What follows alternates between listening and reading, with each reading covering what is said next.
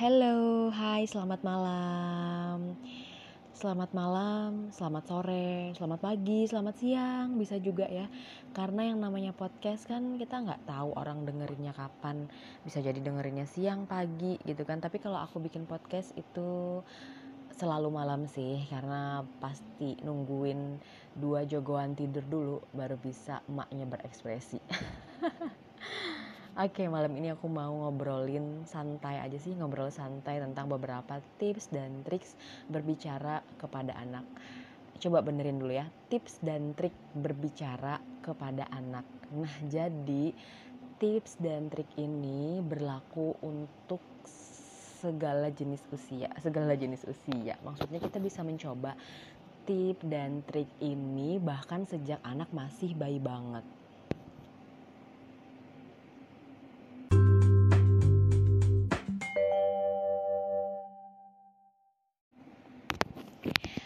Oke oke oke. Jadi kenapa aku tertarik mengangkat tema tips dan trik eh, ketika kita berbicara ke anak ini?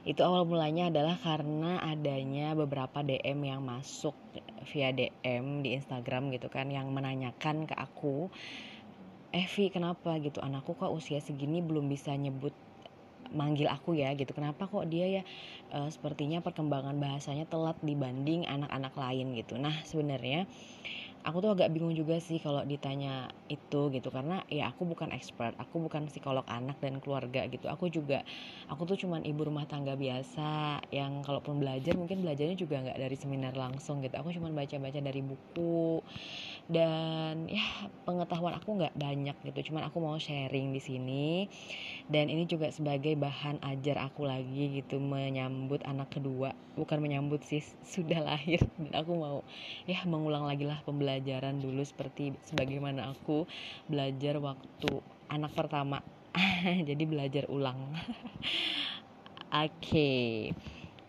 Nah, jadi dalam melaksanakan tips dan trik ini sebenarnya uh, aku ulang lagi bahwa tips dan trik ini bisa kita coba ke anak bahkan dari anak masih bayi sekalipun. Itu untuk apa? Untuk membangun kebiasaan kita sendiri. Jadi ada beberapa kata-kata kunci yang mungkin bisa kita garis bawahi.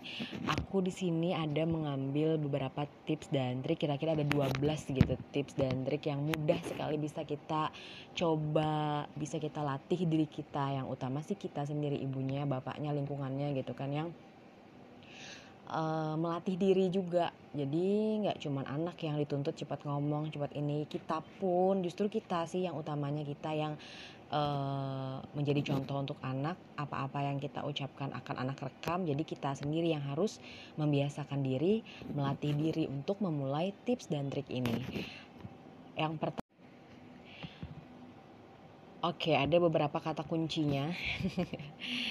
Fokus, dengarkan, bicarakan, tanggapi, berekspresi, jelaskan sesuatu, hindari baby talk, bacakan buku, nyanyikan lagu, tanyakan keadaan dan perasaan, kemudian gunakan intonasi saat bicara, dan peka terhadap situasi dan kondisi anak yang kita ajak bicara. Langsung aja kita masuk ke pembahasannya. Jeng jeng jeng jeng jeng jeng jeng.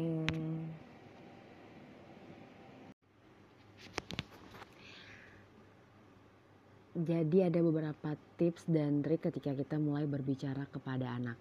Yang pertama, pastikan kita harus fokus kepada anak. Jadi usahakan Cara fokusnya itu adalah dengan menatapnya dan terlihat bersemangat. Dan jangan lupa letakkan ponsel atau apa pun yang dapat membuat kita tidak fokus ke anak. Jadi kita belajar untuk menghadirkan diri kita gitu seutuhnya di hadapan anak dan sebagai teman bicara dia. Dan fokus kepada anak ini bisa kita latih sejak dia masih bayi banget. Ya, jadi kalau misal dia tuh baik walaupun belum bisa ngobrol walaupun belum bisa ngoceh tapi kita tetap bisa fokus ke dia ngajakin dia ngobrol gitu. Yang kita coba untuk hadir sepenuhnya jauhkan handphone. Yang kedua dengarkan anak ketika menyampaikan sesuatu atau mencoba untuk berbicara. Menyampaikan sesuatu versi baik mencoba berbicara versi baik pasti kan dia nggak langsung bisa nyebut kucing dengan kucing kan gitu. Misal dia pasti mungkin nyebutnya dengan uh, gitu atau kayak gitu atau cici cici gitu kan bisa menyebut dengan yang itu aja. Uh, contoh nih misalnya kupu-kupu ya misalnya dia nunjuk gambar kupu-kupu dengan mengatakan pupu maka silahkan kita tanggapi dengan kata-kata sebenarnya. Oh kupu-kupu Cantik ya nak ya, warna merah ya, warna kuning. Terbang ke mana ya dia? Mungkin mau main ya sama temennya dia main. Nah kurang lebih seperti itu. Jadi kalau misal anak kita nyebut kupu-kupu nih dengan sebutan pupu, kita nggak usah ngeledekin. Pupu pupu pupu pupu bang, pupu bang, nggak usah digituin walaupun dia anak-anak, tapi penting sekali kita menyampaikan kosakata yang sebenarnya agar otaknya merekam gitu yang mana kalimat yang benar.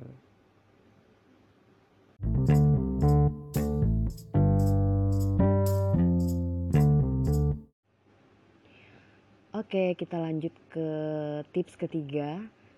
Yang ketiga, bicarakan sesuatu yang sedang terjadi atau apa yang sedang anak lakukan, kita ucapkan, kita sampaikan ke dia. Misal anak lagi bermain puzzle gitu kan. Adek ini namanya puzzle sayang. Ini gambarnya matahari. Warnanya kuning.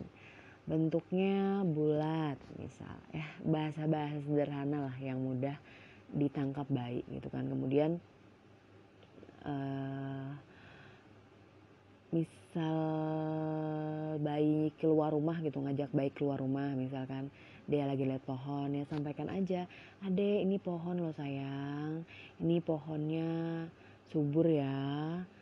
Ini daun-daunnya juga lebat. Bunganya ada ya di atas. Coba adek lihat tuh di atas ada bunganya. Yang jelas apa yang dia lihat kita bisa sampaikan ke dia ini apa apa yang dia lakukan bisa kita sampaikan dengan bahasa-bahasa yang sederhana. Atau misal hal-hal sederhana lah kayak misal menyambut dia bangun pagi dia bangun pagi kita ucapkan ya assalamualaikum ade. Selamat pagi. Ah gimana tidurnya? Nyenyak sayang? Baca doa bangun tidur yuk atau apalah kayak gitu. Terus mau tidur malam lagi misal ya kita ajak juga ngobrol. Mau tidur sayang? Udah ngantuk ya. Yuk tidur sama mama. Mama bacakan buku ya. Atau yuk tidur sama mama. Kita baca doa sama-sama ya. Ya kayak gitu kayak gitulah menyambut bangun tidur mengantar anak tidur kembali gitu kan. Pun selagi baik gitu. Sebenarnya itu sangat bermanfaat banget buat perkembangan bahasa dia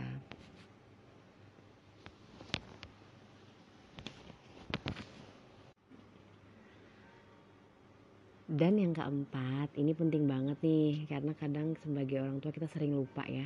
Sering lupa gitu, sering keasikan main handphone, sering keasikan nonton TV, sering asik dengan kesibukan kita sendiri gitu sampai akhirnya kadang kita lupa menanggapi anak dengan serius. Nah, aku pun juga sering sih eh, jadi aku tuh ngomong ini kayak bercermin gitu kayak ngomong sama diri sendiri kayak self talk gitu kayak yang ya kayak ya kayak ngasih pelajaran ke diri sendiri malam ini. Jadi yang keempat itu kita harus menanggapi anak dengan serius. Contoh nih, kalau uh, si anak lagi sedang antusias ngajak kita ngobrol, misal nih, Bu, lihat Bu, ini nasi goreng. Terus kita cuma jawab, ya, hmm, oke okay, gitu kan. Pasti anaknya besok-besok udah nggak semangat lagi ngajak kita ngobrol. Coba kalau kita tanggapannya kayak gini. Oh iya, nasi goreng. Enak nggak ya? Ibu boleh coba nggak? Hmm, nyam. Hmm, enak juga ya. Mau lagi ah tapi jangan pedas ya. Nah misal kayak gitu kan pasti besok-besok anak pasti uh, seneng gitu ngajakin kita ngobrol. Karena mereka tahu bahwa mereka ketika ngobrol sama ibunya sama bapaknya bakal dapat feedback yang baik gitu. Nah dengan gitu tuh anak jadi bakal bersemangat banget membangun komunikasi akhirnya ke kita. Jadi kita bisa lebih intens dan lebih dekat sih pada anak intinya. Dia lagi sampaikan aja.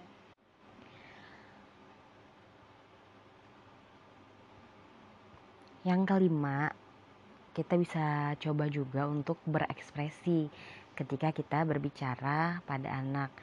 Berekspresinya sesuai emosi yang akan kita sampaikan gitu. Misal uh, ketika kita lagi melihat orang yang sedang bekerja di luar rumah naik sepeda misalkan panas-panasan kakek-kakek tua gitu kan. Ya kita katakan dengan ekspresi sedih. Tapi ya sedih beneran sih ini misalnya ya. Nah lihat kasihan ya kakeknya kerjanya siang-siang panas-panas gitu kan. Ya kita tunjukkan kita tunjukkan ekspresi sedih kita itu gitu. Kemudian kalau misal uh, kita sedang riang gembira gitu ya kita sampaikan juga gitu misal nah lihat itu ada pohon yang dikasih lampu ya cantik ya sayang bagus ya pohonnya gitu. Nah jadi diharapkan gitu dengan kayak gitu tuh anak jadi bisa sambil kita ajarkan untuk berempati mengenal emosi gitu dan kita harapkan sih ketika sudah lebih besarnya nanti gitu dia bisa belajar berbagai jenis perasaan gitu yang tentu penting bagi uh, perkembangan jiwa seseorang. Ha, ngomongin perasaan ini pasti berkaitan banget dengan yang namanya emosi ya. Ngomong-ngomong soal emosi, aku juga termasuk orang-orang yang masih belum bisa berdamai dengan emosi sendiri. Maksudnya ya maksudnya masih belajar sih gitu sebagai seorang ibu. Karena tapi yang pertama aku sudah menyadari sih gitu bahwa semua emosi itu wajar adanya. Kayak misal marah kesal kecewa takut sedih gitu. Itu semua adalah emosi-emosi yang wajar dan kita bisa menerima itu. Jadi kita tidak melawan emosi negatif, tapi kita terima, kita salaman sama emosinya. Dan gue udah tahu banget teorinya, tapi susah prakteknya. Oke, kita lanjut aja ya. Lanjut ke tip dan trik berikutnya untuk berbicara kepada anak ini juga kita mulailah dengan menjelaskan sesuatu dengan kalimat yang sederhana dan mudah dipahami. Meskipun kita menjelaskan sesuatu itu yang mungkin sulit bagi anak gitu. Jadi kita usahakan dengan kalimat yang mudah dipahami anak yang nggak usah pakai bahasa-bahasa ilmiah gitu kan. Tapi anak mudah paham gitu. Tapi kita nggak usah juga uh, maksudnya nggak usah juga yang nanti aku mau ngajarin anakku ngomong assalamualaikum ah kalau dia udah bisa ngomong ya nggak usah ditunggu juga nggak usah ditunggu dia bisa ngucap assalamualaikum baru diajarin assalamualaikum. Maksudnya kebiasaan sederhana sederhana kayak gitu bisa dimulai dari bayi banget lah kayak ya pokoknya kita jangan takut untuk ngajarin anak berbahasa bahasa-bahasa yang sederhana gitu yang emang kita sering pakai sehari-hari. Jangan takut jangan nunggu anak bisa manggil mama papa dulu baru kita ajarin ngomong baru kita ajakin ngobrol. Jangan nunggu dia bisa bilang assalamualaikum dulu baru kita fokus ke anak gitu karena semuanya tuh perlu dilatih. Anak perlu melihat keseriusan kita kita pun perlu melatih diri agar terbiasa serius mendengarkan uh, setiap pertanyaan anak walaupun yang receh-receh yang remeh-temeh gitu kan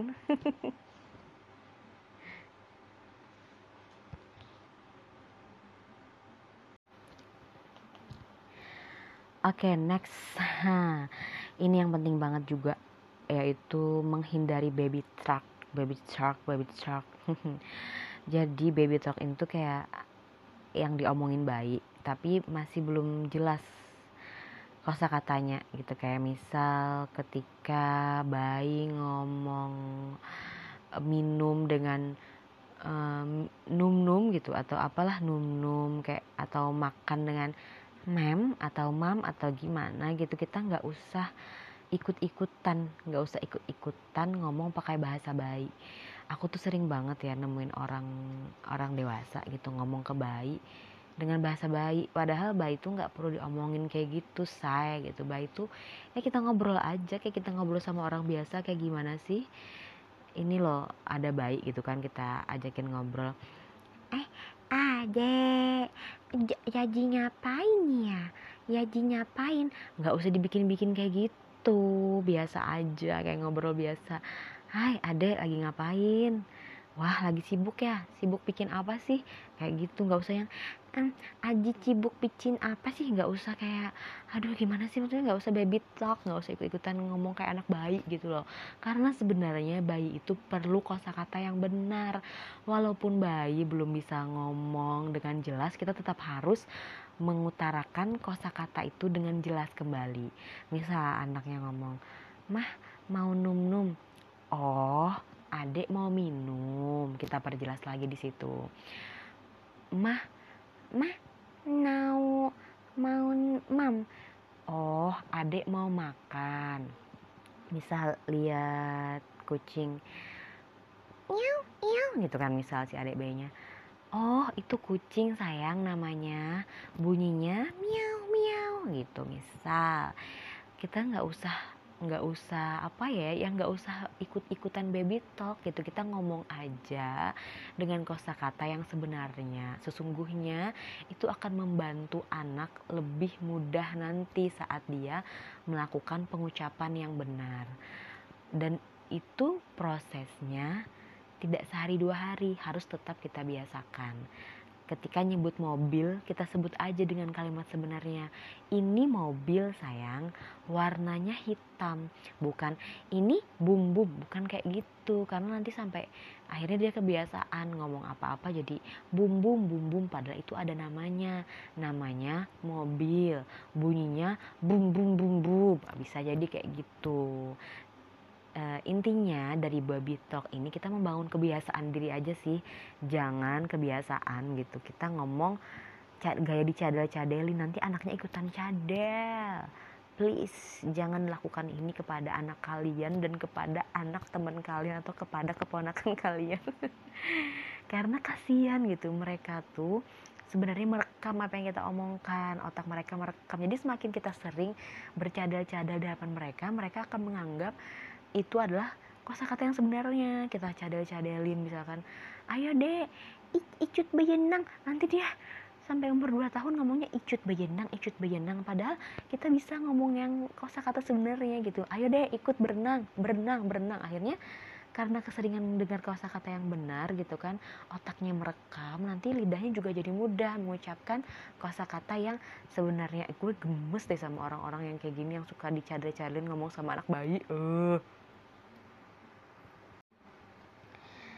Nah, jadi bagian yang kayak gitu tuh yang sebenarnya sering kita anggap remeh, itu tuh sebenarnya sangat penting untuk kelancaran bicara baik. Jadi menurut beberapa buku yang aku baca, emang anak-anak itu harus tahu dulu kata mana yang benar pelafalannya. Jadi jika ia sudah salah mengucapkannya, please luruskan kata yang ia maksud gitu. Jadi nggak usah diikut-ikutin juga nggak usah diledekin gitu dibantu dibantu anaknya agar tahu pelafalan kalimat yang benar itu apa gitu. Terus kalau dia salah mengucapkannya ya luruskan aja apa yang dia mas maksud gitu kan. Meskipun uh, si anak ini nggak bisa langsung mengucapkannya dengan benar tapi setidaknya anak ini tahu gitu mana adalah koreksi kata-kata anak yang salah pengucapannya gitu agar ya agar ya nggak kebiasaan yang pasti agar nggak jadi terus menerus gitu yang nantinya takutnya akan jadi kebiasaan yang sulit dirubah tips yang ke delapan bener nggak sih udah yang ke delapan aduh kalau yang ke delapan ini ini kalian pasti tahu banget. Kedelapan adalah membacakan buku. Jadi membacakan buku ini adalah cara yang sangat mudah untuk berbicara kepada anak gitu. Jadi pada saat kita membacakan buku itu kita bisa membacakan isi buku boleh sesuai teksnya boleh. Boleh juga mengganti dengan kalimat yang sederhana boleh. Boleh juga menceritakan gambar-gambar yang ada di buku dengan bahasa kita boleh. Atau kita minta dia membacakan buku dengan caranya dia juga boleh. Jadi membacakan buku ini tuh juga nggak harus menunggu anak bisa ngomong, nggak harus nunggu anak paham. Kita sudah mulai bisa membacakan buku kepada bayi sejak dia masih bayi banget. Bahkan beberapa penelitian menyebutkan anak-anak sudah bisa dibacakan buku sejak dalam kandungan gitu kan. Kalian sudah pasti tahu kan ya bahwa Nah, indera yang pertama kali diaktifkan Allah pada saat bayi dalam kandungan itu adalah indera pendengaran. Jadi sebenarnya bayi dalam rahim itu sudah bisa mendengar di usia kesekian uh, bulan gitu. Jadi kita nggak ada ruginya sebenarnya bacakan bayi buku walaupun uh, seolah-olah dia nggak ngerti, seolah-olah dia cuman lihat-lihat aja, bolak-balik buku aja sebenarnya dia merek merekam nanti deh soal buku ini akan aku bikin di episode yang berikutnya. Kita lanjut aja lagi ya. Kita juga bisa menyanyikan lagu-lagu. Nah ini mudah banget. Pasti orang tua tuh mau dia mem- tahu tips ini atau tidak pasti kita tuh kayak naluri aja gitu ya. Naluri aja gitu yang namanya menyanyikan lagu-lagu ke anak.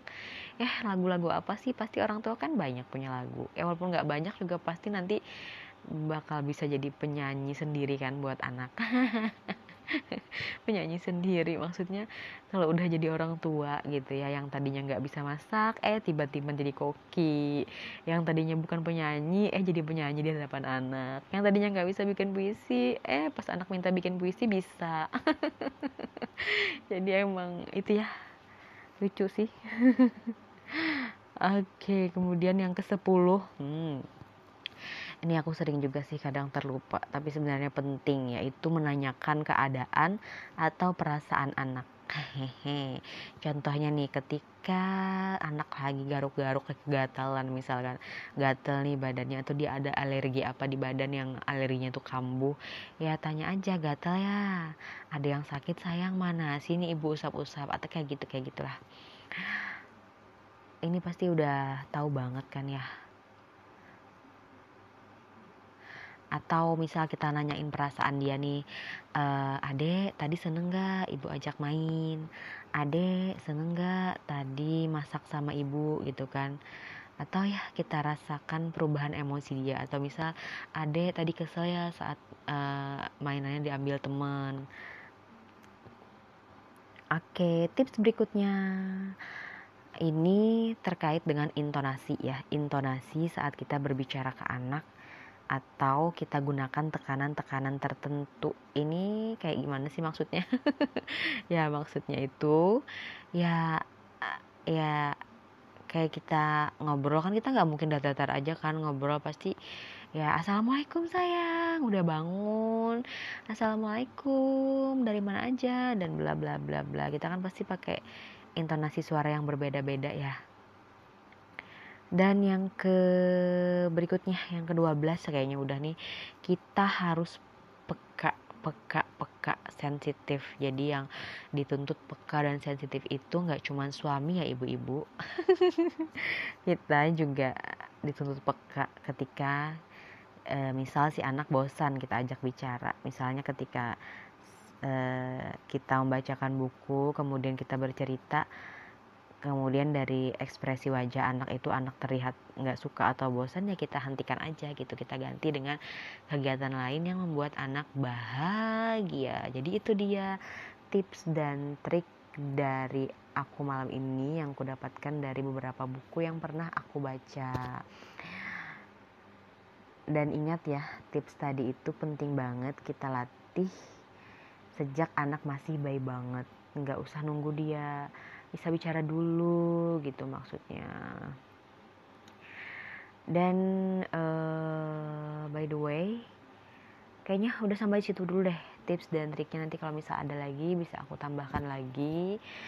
Uh, sesungguhnya podcast malam ini aku dedikasikan untuk diriku sendiri yang kembali belajar ulang kembali mempelajari ulang-ulang pelajaran anak pertama gitu ya masih banyak kurang so tetap happy ibu tetap semangat semoga uh, dalam pengasuhan anak kita selalu mendapat bimbingan dari Allah Subhanahu wa taala. Amin. Masya Allah, religius banget ibu malam ini. Oke, okay, stay safe.